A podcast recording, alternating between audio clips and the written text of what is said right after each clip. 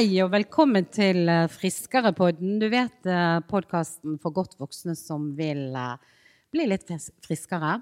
Og denne gangen så sitter jeg alene i studio. Eller forresten ikke helt alene, men jeg har ikke Ingjerd med meg.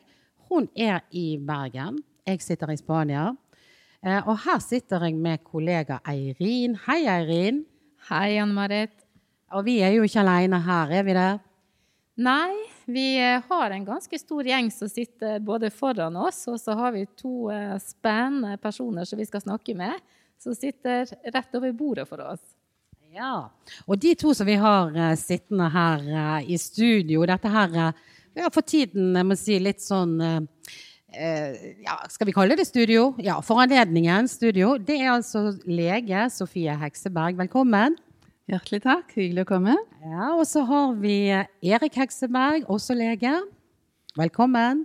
Takk, takk. Ja. Vi er jo her nede nå fordi at vi eh, er faktisk med en hel gjeng. Og vi, har, vi må vel egentlig si Irene, at vi har de her med oss også, publikum. Så vil dere bare rope sånn Hei! Gi lyd fra dere! Hei, hei! Her hører dere full stemning. Så det er første gang at vi faktisk sitter og podder foran et så stort publikum. Men greit, Sofie. Ehm, vi koblet jo deg i Vi over 60 veldig tidlig på, eh, når vi bestemte oss at vi skulle gjøre mer på helse.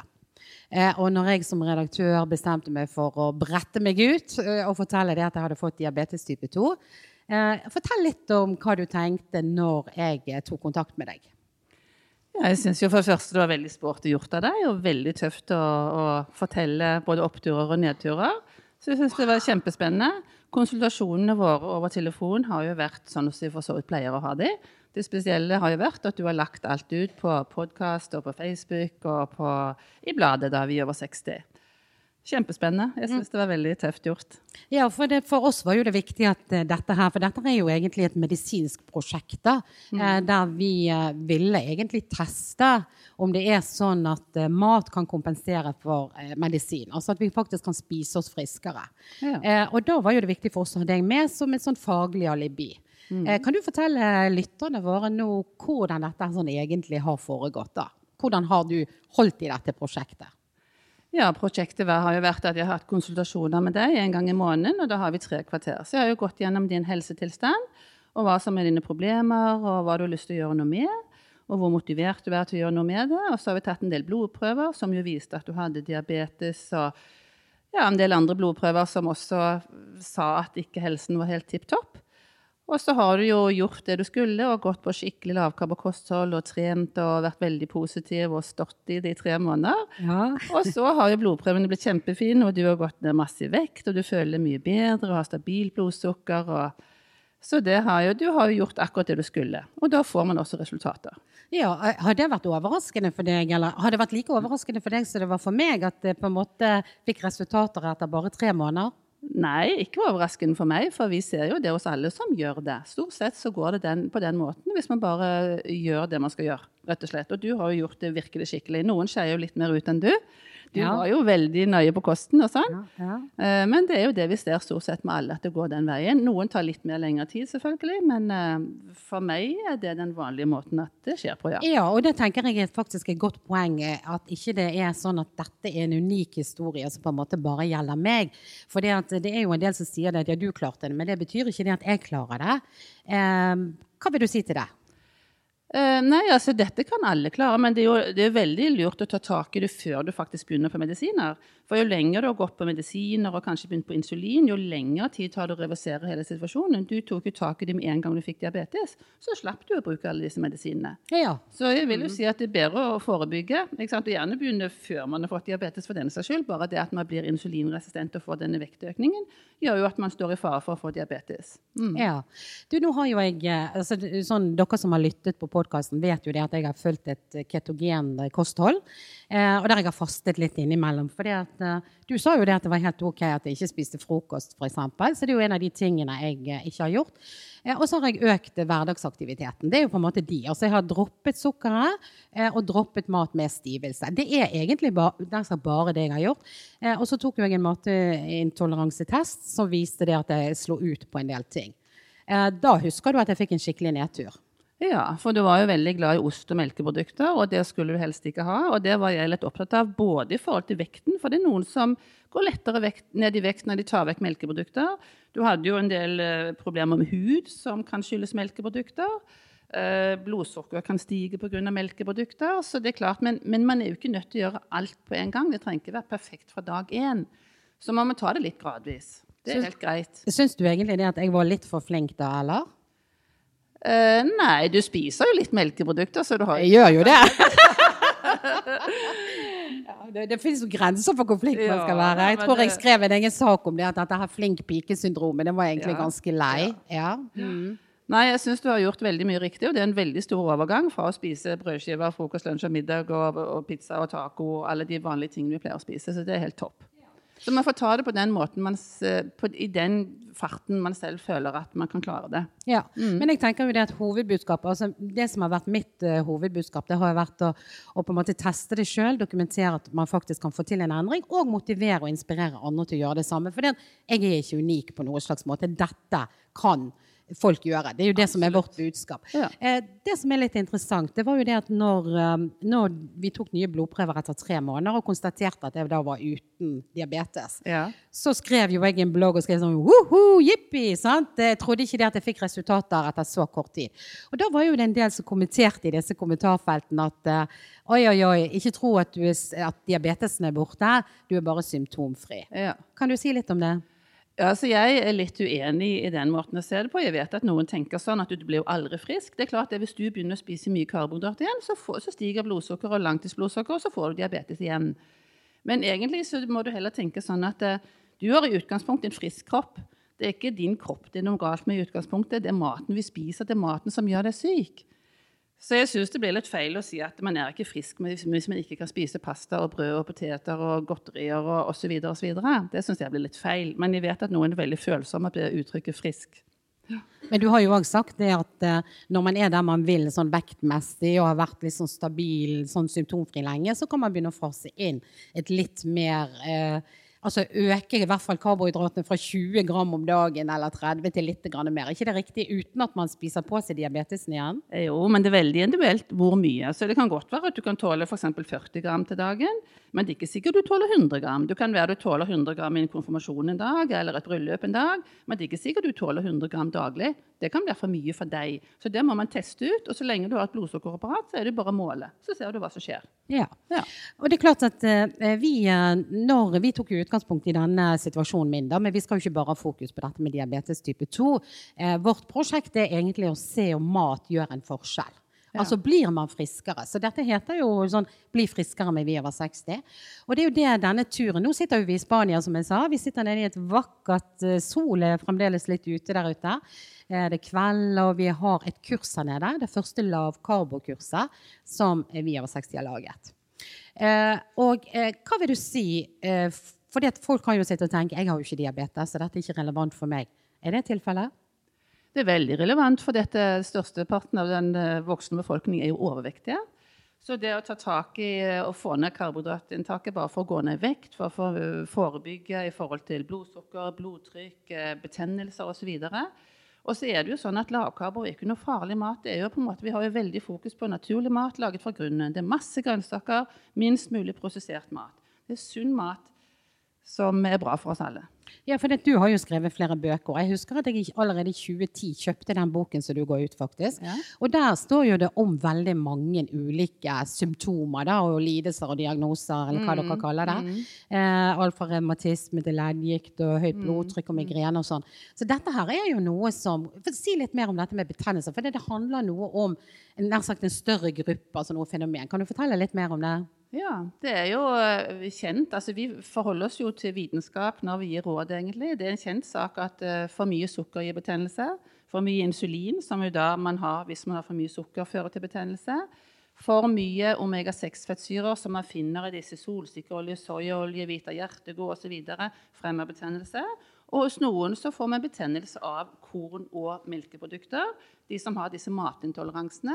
Så veldig mange som har fibromyalgi og vondt i muskler og ledd, de blir kvitt mye, mange av disse symptomene. De går på et lavkarbokost, og spesielt uten korn. Og noen må også fjerne melkeprodukter.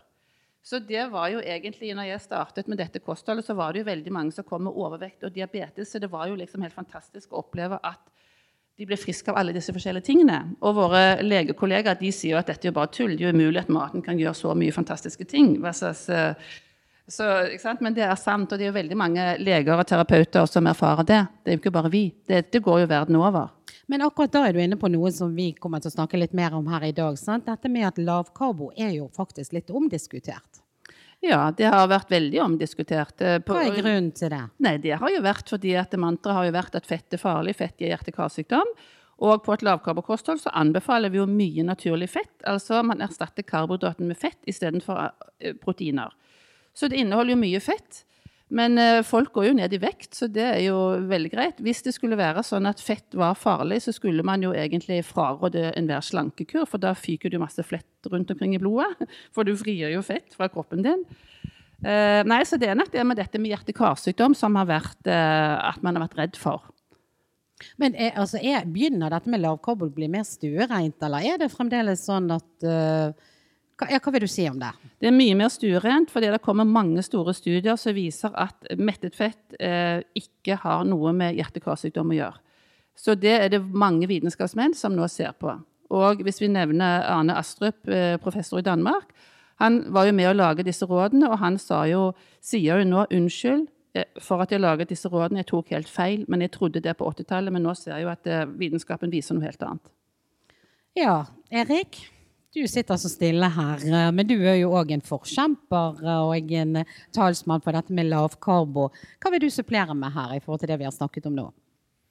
Nei, Det er jo ikke så mye å supplere med. Det, men hvis jeg skal supplere på hjertekar, så tror jeg det at det er vel den troen på at fett har vært farlig, som har vært bakgrunnen for at man har vært så tilbakeholdne med å akseptere et lavkarbokosthold. Og det var vel eh, litt av det som gjorde at da Sofie ga ut sin første bok, så snakk, kalte vi det for frisk, eh, frisk med lavkarbo, og ikke frisk med lavkarbo høyfett.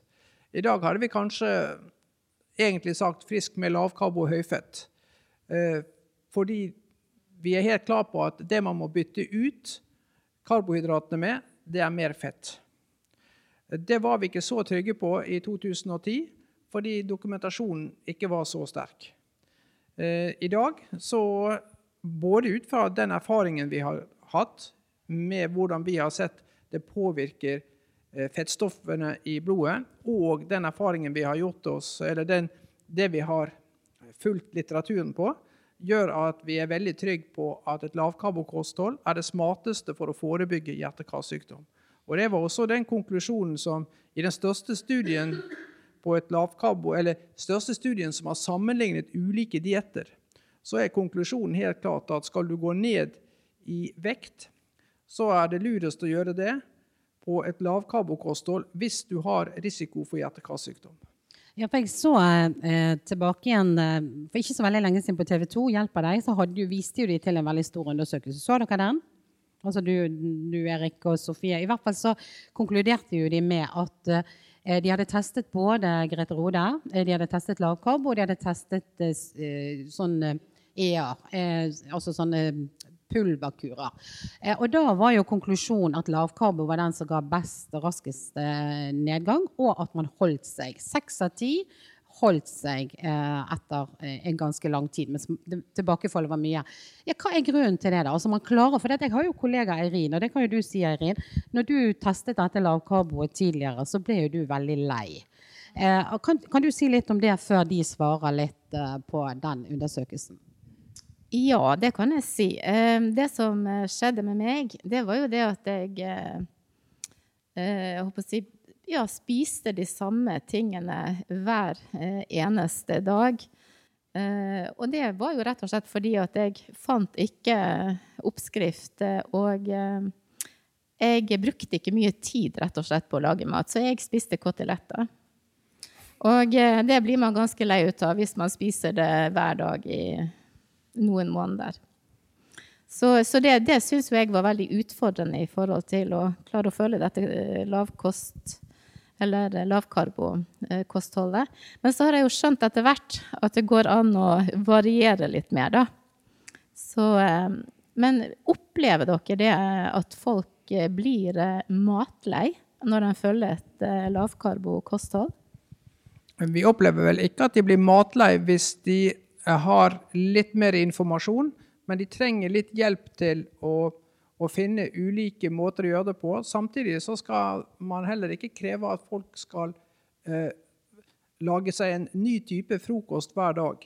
Hvis man egentlig er vant til å spise brødskiver hver frokost eh, med gulost på, eller, eh, så kan man jo egentlig si at det er kanskje ikke så fantasifullt, det heller. Eh, det, det, vanlige kostholdet i Norge er stort sett ganske eh, lite fantasifullt eh, i utgangspunktet. Så jeg tror at man kan ha litt ulike tilnærminger til det. Og jeg tror at det går an å gjøre ting relativt likt, men vi er litt forskjellige. Noen kan ha litt ulike variasjoner å spille på, og så vil det egentlig kunne være godt nok. Men det er også en, et spørsmål om ikke å gjøre ting altfor vanskelig. Og så er vi tilbake igjen til eh, den eh, undersøkelsen i TV 2. fordi at Det spennende med den undersøkelsen er jo at den viste at det folk hadde den mest positive erfaring i forhold til å gå ned i vekt, var ved bruk av et lavkarbokosthold. Så selv om våre myndigheter driver og forteller oss at et lavkarbokosthold er skal man eh, ikke forsøke, og at det er farlig, så har befolkningen funnet ut at det fungerer, og at det er det som gir den beste varige vektreduksjonen. Og det at det gir den best varige vektreduksjonen, det viktige der er faktisk Og det har man vitenskapelig dokumentasjon for. Og det er at forbrenningsnivået blir skrudd annerledes om du har gått på et lavfettkosthold eller om du har gått på et lavkarbokosthold. Og det er viktig å vite at Forskjellen på om du går på et lavkarbokosthold eller et lavfettkosthold i tiden etter at du har gått ned i vekt Forskjellen kan svare til ca. én times moderat intensitet med fysisk aktivitet. Og det er Du skal løpe mye for å, for å ta ut den forskjellen. Ja, absolutt. Eh, det, det, som, eh, det, som, jeg gjorde før eh, vi kom hit i studio, det var det at jeg googlet lavkarbo.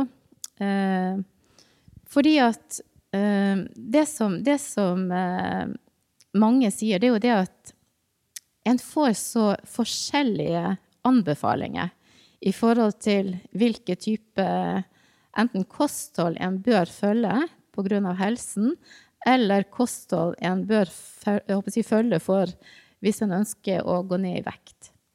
Og, eh, og så innstilte Google på at en skulle se på kun det siste året.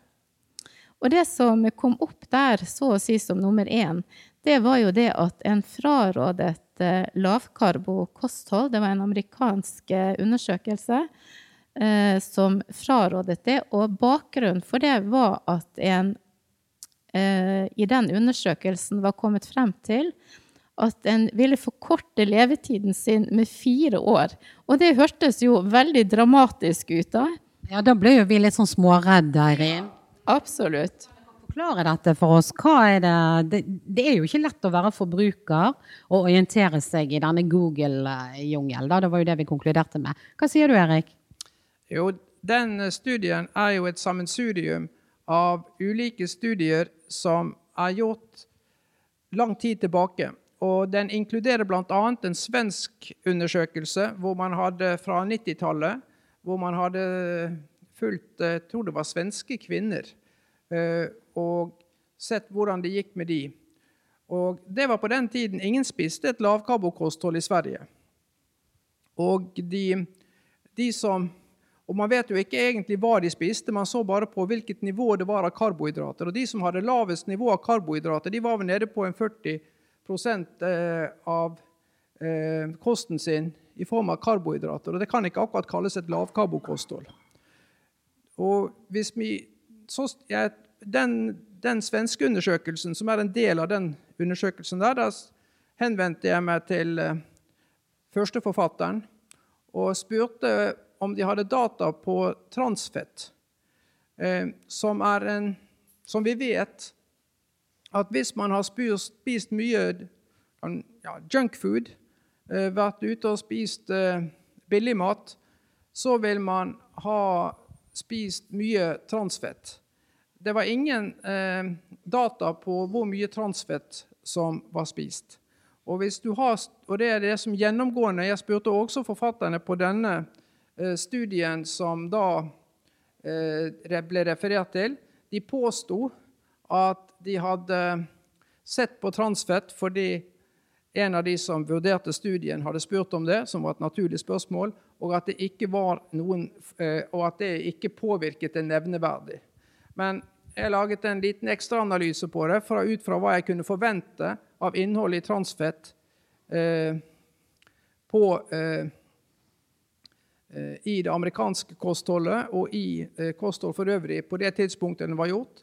Og hvis man tar hensyn til det, så forklarer egentlig transfett hele eh, den reduksjonen i levetid for de som spiser mye fett. Hvis de spiser samtidig mye transfett, så vil du få denne forventede reduksjonen.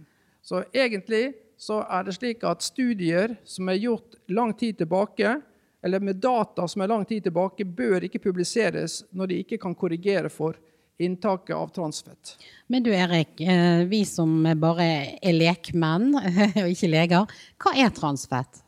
Ja, hva er transfett? Transfett Kan du ta den korte versjonen ut av det? Ja, Den korte versjonen det er at transfett er det som vi kaller for delvis herdet fett, eh, som er industrilaget fett, som margarinene våre inneholdt plenty av eh, inntil ja, 1998. Da ble det faset ut, for da skjønte man at transfett var farlig. Og danskene har forbudt et høyt inntak av De, de satte en grense på inntak av transfett i 2004. Eh, og den, eh, det inntaket, eller grensen, den ble også gjeldende for oss i realiteten fra 2004, men det tok ti år til før Norge fulgte etter og sa at det maksimale inntaket, eller innholdet av transfett i maten kunne være 2% av fettinnholdet. Ok, Men, men den, for for, si, produseres det naturlig transfett? Det produseres også litt naturlig transfett, og det er fra eh, Det kan du finne litt av i melk og i eh, og hos drøvtugg, altså i kjøtt fra drøvtyggere. Ja, ja, akkurat. Nei, jeg, jeg, så bare en eh, Jeg prøvde liksom å google meg fram litt eh, og se hva som var skrevet de siste årene.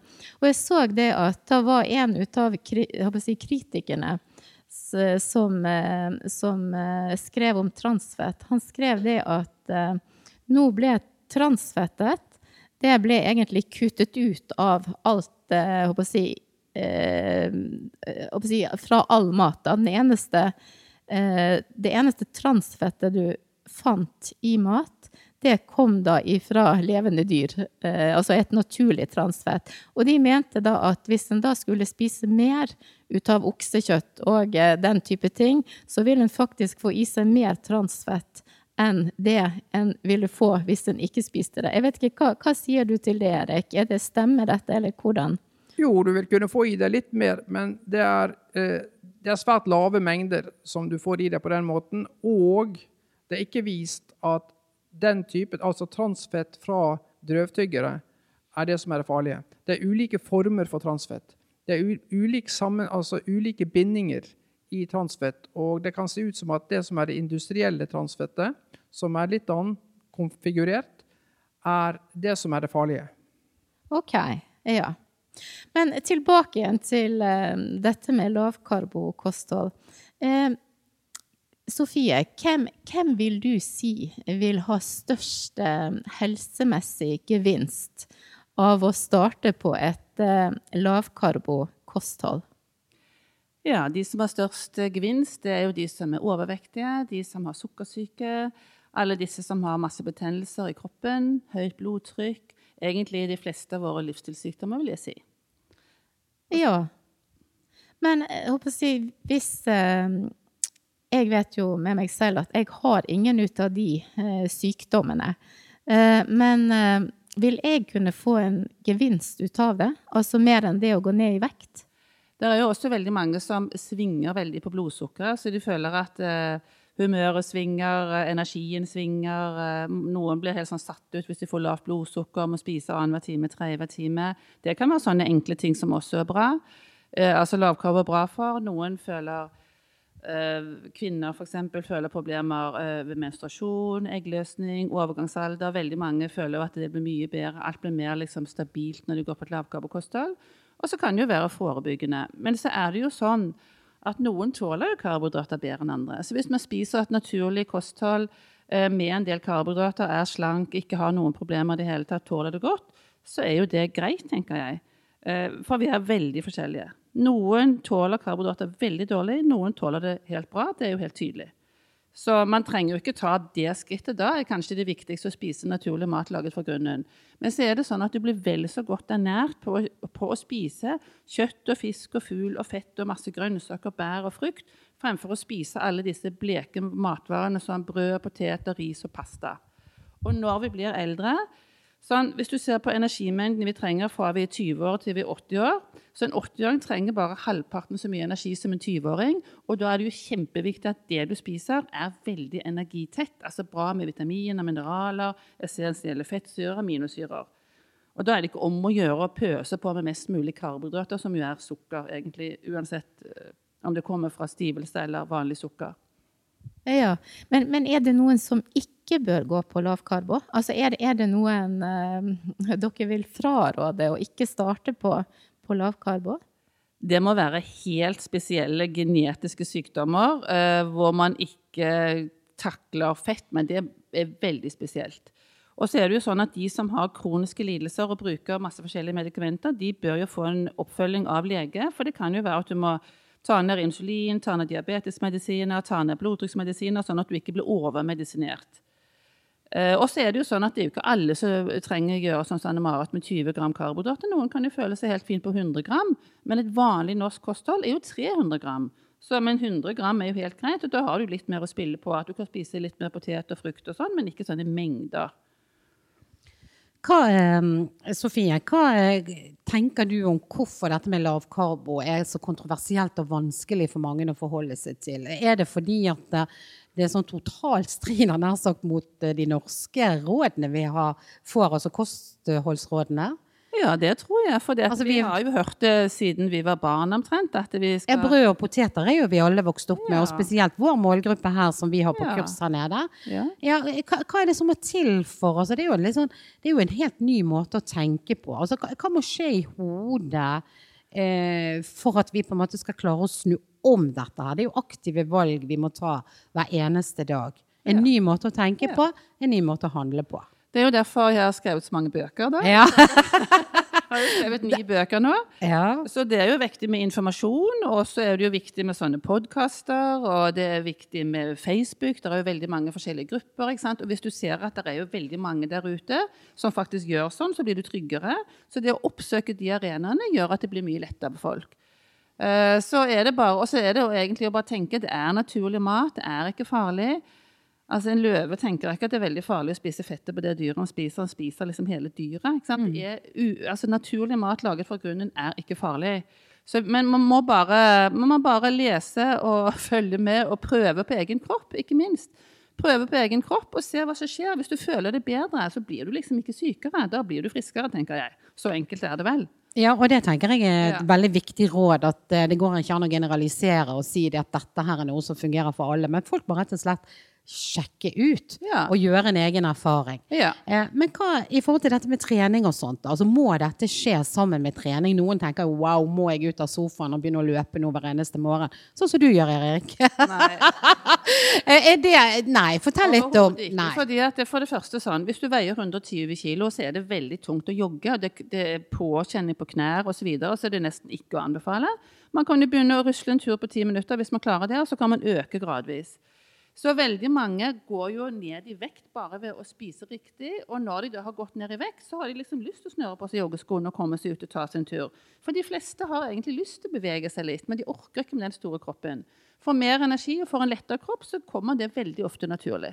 Ja, så, så, det er riktig det som det sies, at kiloene ligger på en måte i maten og grammene ligger i treningen? Det helt riktig. Ja. ja. Mm.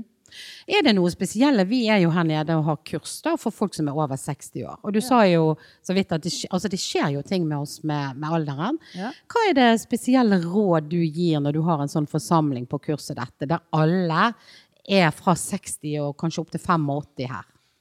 Ja, det er jo veldig viktig. Hvis du har gått på såkalt vanlig norsk kosthold, så er det kjempeviktig å trappe seg ned på karbohydrater og øke fettmengden kanskje i løpet av et par uker. For jo eldre du blir, jo eh, saktere tilpasser kroppen seg. Så hvis en 20-åring skifter fra et høykarbo til et lavkarbokosthold over natten, så går det ganske greit. Hos eldre kan man bli dårlig, man kan føle seg uvel, få vondt i hodet, få lite energi. Eh, det kan skje mange ubehagelige ting, og det er jo ikke nødvendig. Man kan være litt snill med seg selv og ha litt god tid, ikke overdrive noe trening og bare gjøre litt gradvis over noen uker. Så går det seg til uten problemer. Og så er det viktig å få i seg nok væske og nok salt. For dette mange har jo et veldig saltfattig kosthold. Og hvis man da i tillegg går på et lavkarbokosthold, så er det jo sånn at da forsvinner all ferdigmaten. Og ferdigmaten inneholder 70% av saltet, egentlig. sånn at det forsvinner, og vi sitter igjen med rene matvarer, så må man faktisk tilføre litt salt. Og når du går på et lavkarbokosthold, så blir vi flinkere å skille ut salt. Så mange merker at de mister mye vann, og med vannet så følger det salt. Og da må vi faktisk få ut litt salt også. Eller så kan man få type leggkramper, hjerteklapp og litt forskjellig ubehag. Og sånn brain fog. Ja. Du, jeg, jeg, jeg, har lurt på en ting. Fordi at eh, jeg har hatt et veldig sterkt søtbehov. Eh, jeg har spist mye søtsaker.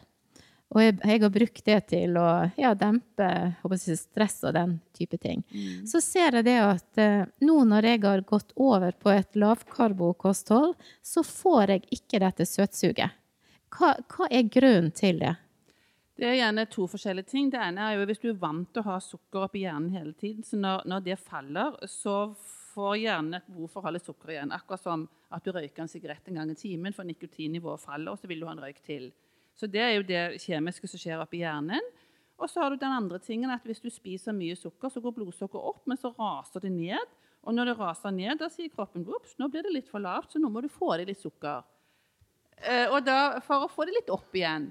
For kroppen overkompenserer ofte litt. sånn at eh, hvis du spiser liksom rikelig med karbohydrater, så pøses det ut insulin, og insulinet får sukkeret inn i cellene, og så raser blodsukkeret ned. Og så var det kanskje litt for mye, og så må du ha i det sukker. Da sier kroppen 'få i det sukker, for nå er det for lavt'. Og så får du søthungeren. Akkurat. Så selv om du er frisk og rask på alle mulige måter, så hadde du et problem som du nevnte nå. Absolutt. Og det, det er derfor jeg Jeg har gått over på lavkarbo. Ja, det er bra. Ja. Du, eh, vi må bare spørre deg, Erik. For vi hørte jo, vi var jo litt fascinert av det vi hørte i dag, Eirin, om denne sukkerfabrikken og fettfabrikken. Ikke sant? Absolutt. Kan du ta en kortversjon av det òg, Erik? ja, altså, eh, er det en eller annen lettfattelig måte å fortelle våre lyttere som hører på nå, hva er en sukker- og en fettfabrikk? Ja, saken er jo den at vi tenker jo at blodsukkeret bare går opp fordi vi spiser sukker. Men kroppen er litt vanskeligere å forholde seg til. Fordi at når vi har, For at blodsukkeret skal holde seg stabilt i kroppen, for det er veldig viktig. Så har vi en egen sukkerfabrikk som lager sukker. Og sørger for at blodsukkeret holder seg stabilt. Og den, blods, eh, den, sukkerfabrikken den kan komme ut av kontroll. Og det gjør den typisk ved diabetes type 2. Da går sukkerfabrikken løpsk, for å kalle det for det, og setter i gang å lage sukker for harde livet. Og det er en del av problemet med type 2-diabetes også. Det er også en del av problemet med fedme. fordi at når denne sukkerfabrikken løper løpsk, så lages det sukker, men, og kroppen skiller ut mer insulin for å ta seg av det. Du ser ikke nødvendigvis da at blodsukkeret går opp, men det vi ser, det er at insulinnivået har gått opp. Det er sukkerfabrikken. Så er det klart at når leveren lager ekstra mye sukker, så må den jo gjøre av dette sukkeret et eller annet sted. Så noe kan bli sendt ut i blodet til, og videre til fettcellene. Men vi har også en egen fettfabrikk i leveren. Og den fettfabrikken, Ja. og den fettfabrikken i leveren kan da lage fett som sendes ut til i blodet. Men det kan selvfølgelig også havne litt grann fett i leveren, og da får vi jo fettlever. Vi kan også se at når det fettet som vi da lager selv, det er egentlig hovedingrediensen i palmeolje. Det er 100% mettet fett. Det er en rent skjær palmeoljefabrikk vi har der. Og den, det fettet, eller det at vi lager det fettet, er kanskje riktigere å si, det er knyttet til økt risiko for hjerte-karsykdom. Det er ikke det fettet vi spiser, men det er det fettet vi lager, som er problemet. Men du, du sa et stikkord der, mettet fett. Vi snakket jo om transfett i sted. Si litt, forklar greit for lytterne våre. Hva er mettet fett, og det faktum at vi òg produserer det sjøl? Ja, hva er mettet fett? Det er jo ikke noen enkel måte å forklare hva mettet fett er i forhold til eh, flerumettet fett og enumettet fett. Men vi har forskjellige typer fett, eh, og det er avhengig av rett og slett hvor mange hydrogenatomer, hvor tett det er bundet med hydrogenatomer i disse kjedene av karbonatomer. Å ja, såpass, ja. Såpass, ja. Ja, Nei, nå tror jeg at jeg stopper Erik her. For dette her ble Men Sofie har lyst til å tilføye noe. Ja, vær, vær så god, Sofie. Ja, det jeg har lyst til å si, for mange tror at i eh, f.eks. kjøtt, altså det er mat fra dyreriket, så er det liksom 100% mettet fett. Men sånn er det ikke. Alle matvarer inneholder forskjellige deler. Så på en måte uh, kjøtt, der er det litt forskjellig fra dyr til dyr, men det er gjerne rundt kanskje 40-50% mettet fett, og så er resten enemettet og fleremettet. Så det er ikke 100% mettet fett. Det er veldig viktig, for folk tror det at spiser du animalsk, altså for dyreriket, så er det bare mettet fett. Men det er en god blanding, stort sett. Men eh, jeg, jeg fikk jo en liten sånn aha-opplevelse, fordi at eh, i, i et av foredragene deres så snakket dere om at eh, protein at det kunne omdannes til, til eh, sukker. Ja, altså hvis man spiser mer protein enn det kroppen trenger som byggestener, så vil rundt halvparten omdannes til sukker. Og hvis du da har et problem med sukker fordi du har for høyt blodsukker eller har diabetes, så vil jo da overskuddet av sukker igjen lage fett. Men hvordan vet man at man spiser mer enn det kroppen trenger? Altså, hva er liksom nøkkel? Når vet man at man spiser for mye kyllingfilet? Ja, Da må man jo begynne å regne, men stort sett så tenker vi ikke De fleste går jo ikke tenker at de spiser så og så mange gram og så og så mange prosenter, men det kan jo være lurt å ta en dag og veie og måle, bare for å se hvor du kommer. For de fleste spiser for mye protein. Sånn at i hvert fall Hvis du skal legge om til et lavkarbokosthold, så kan du si at du skal ikke spise mer protein, men du skal erstatte karbohydratene med fett. Men de fleste sant, de går på et lavfettkosthold, og så skal de gå på lavkarbo. Og da tar de vekk karbo, og så sitter de igjen med kyllingfileter og torsk. ikke sant? Men da blir det veldig feil, for da spiser de for mye av det, for de blir ikke mett ellers. Så du skal egentlig bli mett av fett. Du skal spise helt vanlige mengder protein, og så legger du på fett til du blir mett. Og masse grønnsaker, selvfølgelig, men det blir jo mer volum. Det gir jo ikke så mange kalorier. Eh, Sofie, kan du si litt i forhold til eh, fordi at dette med å spise mer fett, det høres jo helt ulogisk ut i forhold til det å eh, gå ned i vekt. Eh, kan ikke du forklare oss litt? Fordi at det fettet vi skal spise, hvilken type fett er det? Altså, hvor kommer det ifra? Altså, hvis man skal spise en vanlig middag, hvilken type fett skal en da spise? Altså For det første så kan vi si når du skal ned i vekt, så spiser du fett fra din egen kropp. Så poenget er, hvis du ser på studiene som er gjort på dette, så spiser man faktisk ikke mer fett enn andre folk, egentlig. Man spiser egentlig mindre mat. Sånn at kaloriinntaket går ned fordi man er mett, og man tar mat fra sin egen kropp. Det er jo det som er hele poenget når du skal gå ned i vekt. Men dette fettet som blir kanskje mer tydelig fordi du spiser fett på Du tar skinnet på kyllingen, der er det fett. Du tar fettet på koteletten. Du tar og spiser en feit entrecôte. Og i tillegg så bruker du olivenolje, smør, kokosfett, avokado, nøtter. Så er det, jo, det er jo fett i naturlig mat. Eh, men det er jo veldig mye fett som går vekk. For eksempel, du spiser ikke muffins på 7-Eleven, du kjøper ikke is, og du kjøper ikke masse sjokolade. Der er det også mye fett som da forsvinner. Men du er veldig klar på at nå spiser jeg fett. For du ser smør, du ser olivenolje, du ser kokosfettet. Men i realiteten så spiser du mindre mat faktisk, for du spiser fett fra din egen kropp. Det er jo to kilder til fett. Det er det du spiser, og det du har på din egen kropp. Ja, ja.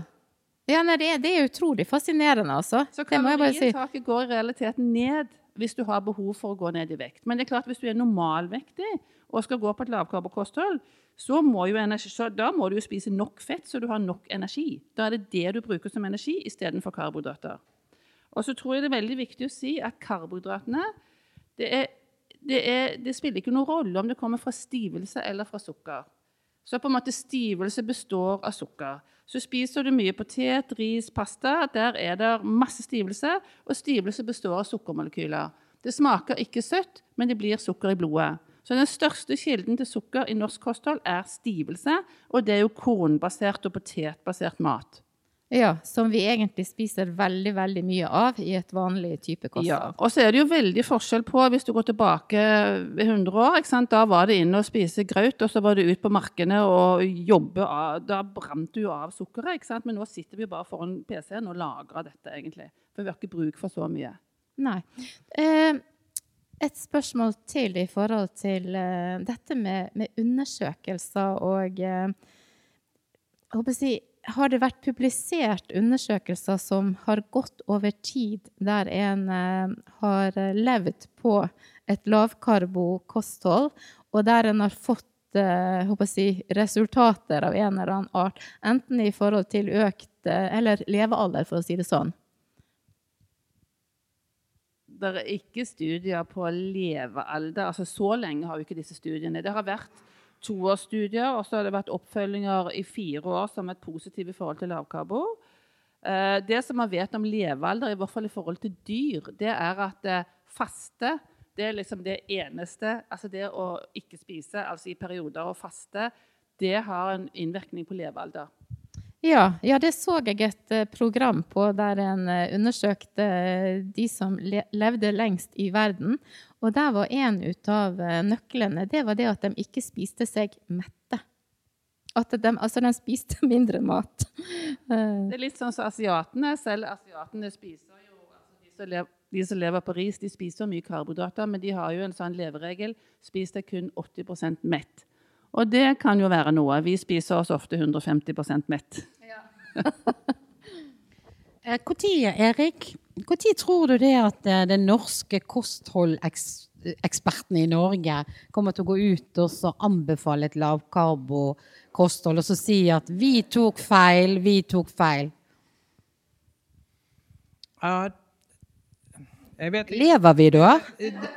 Ja, eh, jeg tror nok at dere lever, men jeg lurer på om det er kanskje noen andre som må dø. Eh, jeg tror kan, eh, for, å være, for, å si det slik, jeg tror at en del av de ekspertene som har knyttet sitt liv til de rådene som er gitt, faktisk må pensjonere, eller ikke bare pensjoneres, men de må totalt uh, avgå. For å være helt ærlig. Jeg tror de sitter og egentlig har et så sterk kobling til dette at det, at det er slik det må bli. Ja, så vi, vi, er liksom noe, vi er noen tiår og lyser fra å på en måte få den type anbefalinger sånn til det norske folk generelt. Hvorfor tror du det at eh, det tar så lang tid å, å gå nær sagt anbefale, gå fra ett regime til et annet? Det tror jeg henger, det er egentlig måten vitenskapen er bygget opp på. Eh, og det er slik at eh, det er mye vanskeligere i vitenskapelig verden hvis du kommer og sier at det som dere har sagt, er feil. Eh, det, det, er veldig vanskelig å få gjenklang for det, for det er det man kaller et såkalt paradigmeskifte.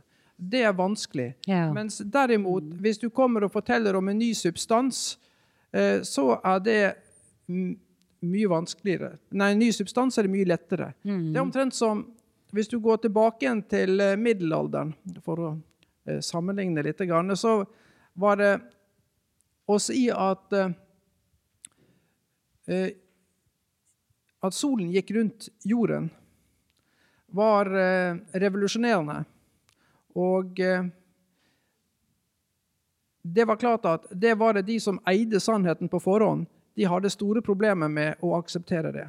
Da ble man brent på bålet. Mm. Da var det enklere å si at man hadde funnet en ny stjerne. Ja. Eh, Men, og i dag så er det litt på samme måten i det du sier at den måten vi har tenkt på, er feil. Eh, Vi må rett og slett tenke oss om på nytt. Da er det truende for de som eier sannheten. ja, så du tenker det at eh, vi kan være overfor en situasjon der et par generasjoner frem i tid, de vil lure på hva i all verden vi holder på med her i 2019?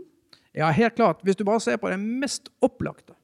Og det er jo at i dag så har vi jo, hvis jeg skal få lov til å være litt provokativ, vi har en regjering som kom med en diabeteshandlingsplan for, eh, i 2017 som anbefaler at diabetikere, de som altså har det vi kaller sukkersyke for, for tidligere, de eh, blir anbefalt å spise mye grove kornprodukter som, og egentlig mat som inneholder stort sett mye karbohydrater, mye stivelse, som blir til sukker.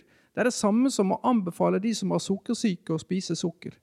Eh, Etter min mening så er det en såkalt no-brainer å si at de som har sukkersyke, burde unngå mat som blir til sukker i blodet.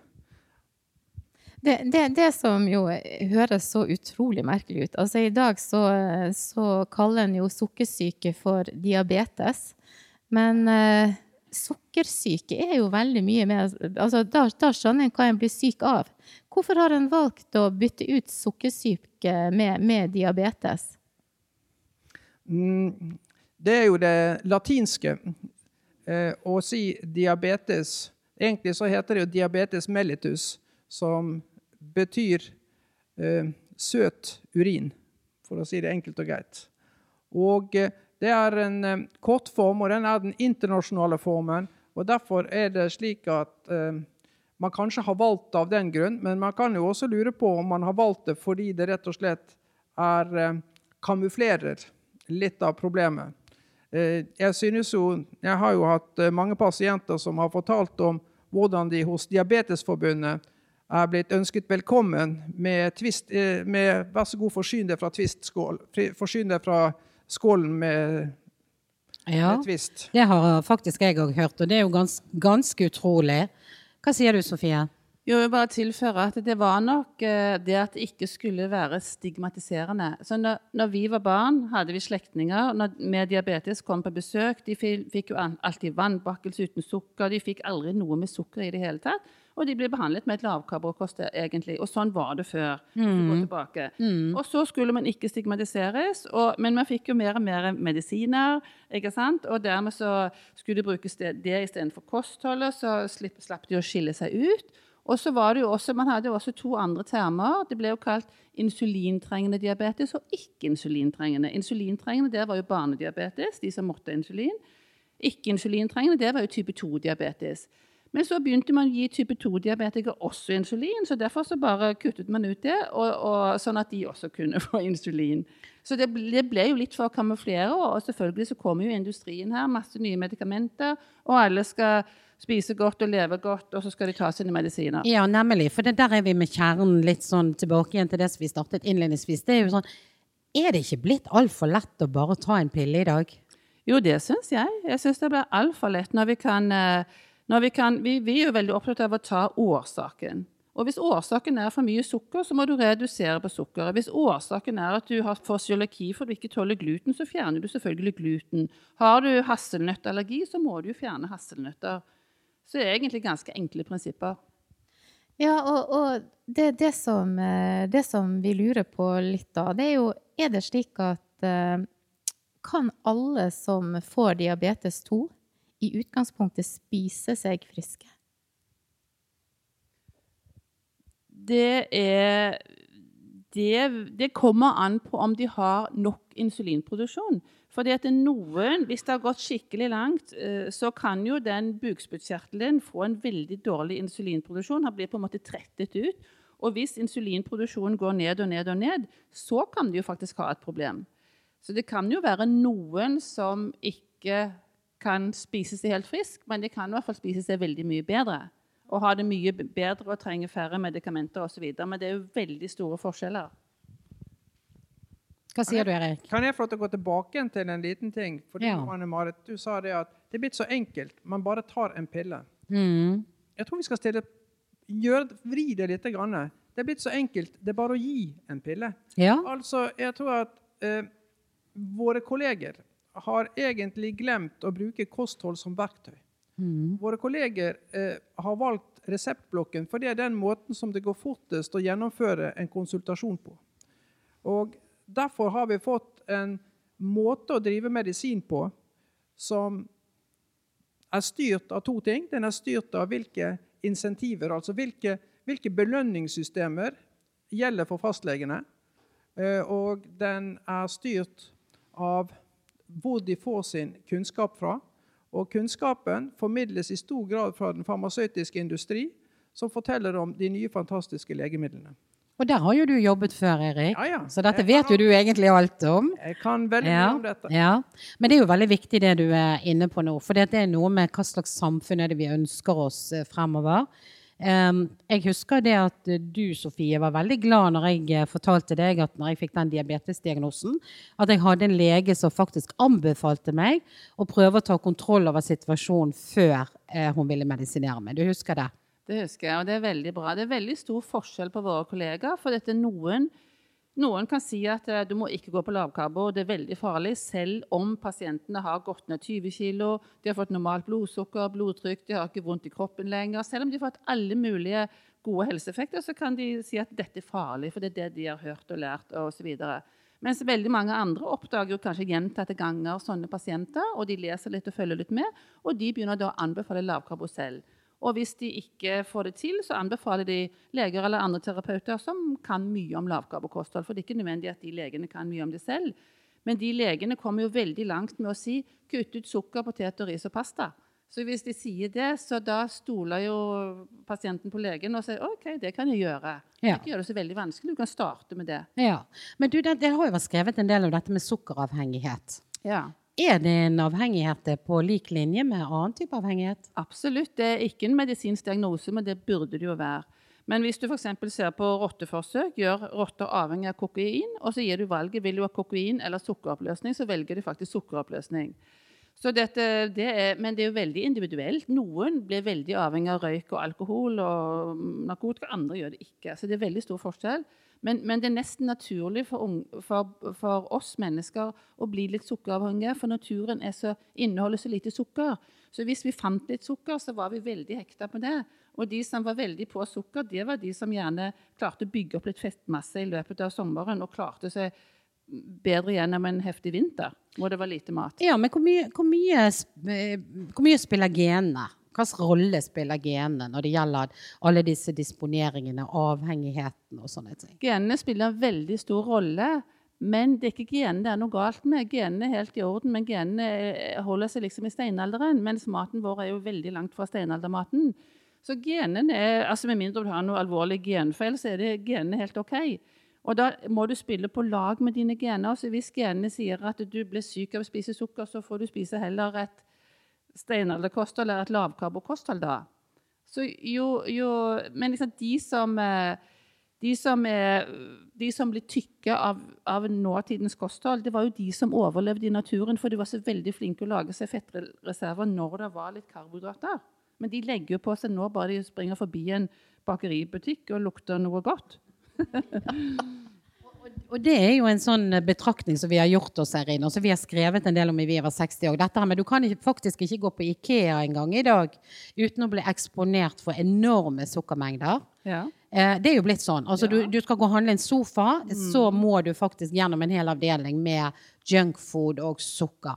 Eh, så det er jo noe med den tidsalderen vi, eh, vi lever i, da, som faktisk gjør oss syke. Ja, det er helt riktig. Det, du skal være veldig bevisst selvfølgelig for å, for å unngå det. Men det hjelper jo veldig godt. da, sånn, urin. altså Hvis du har stabilt blodsukker, ikke har den søthungeren, spiser det god og mett på naturlig mat, så har du ikke den driven på det søte. Nei. Greit. Nå sitter jo vi her nede, og det ser jo jaggu meg ut som alle de som sitter og hører på oss, eh, fremdeles er våkne. Kan vi få høre om dere er våkne? hei, hei!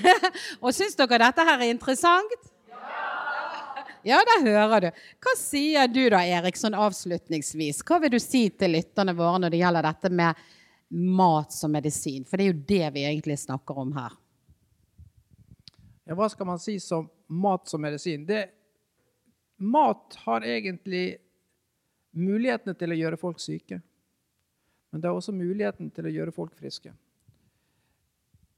I dag så Etter vår mening så lider vi av det vi vil kalle for myndighetspåført sykdom, med de kostholdsrådene som er gitt. Og eh, det Her er det noen som klapper. Og det er klart at det å endre disse rådene vil kunne gjøre at veldig mange blir vesentlig friskere og unngår å få sykdom.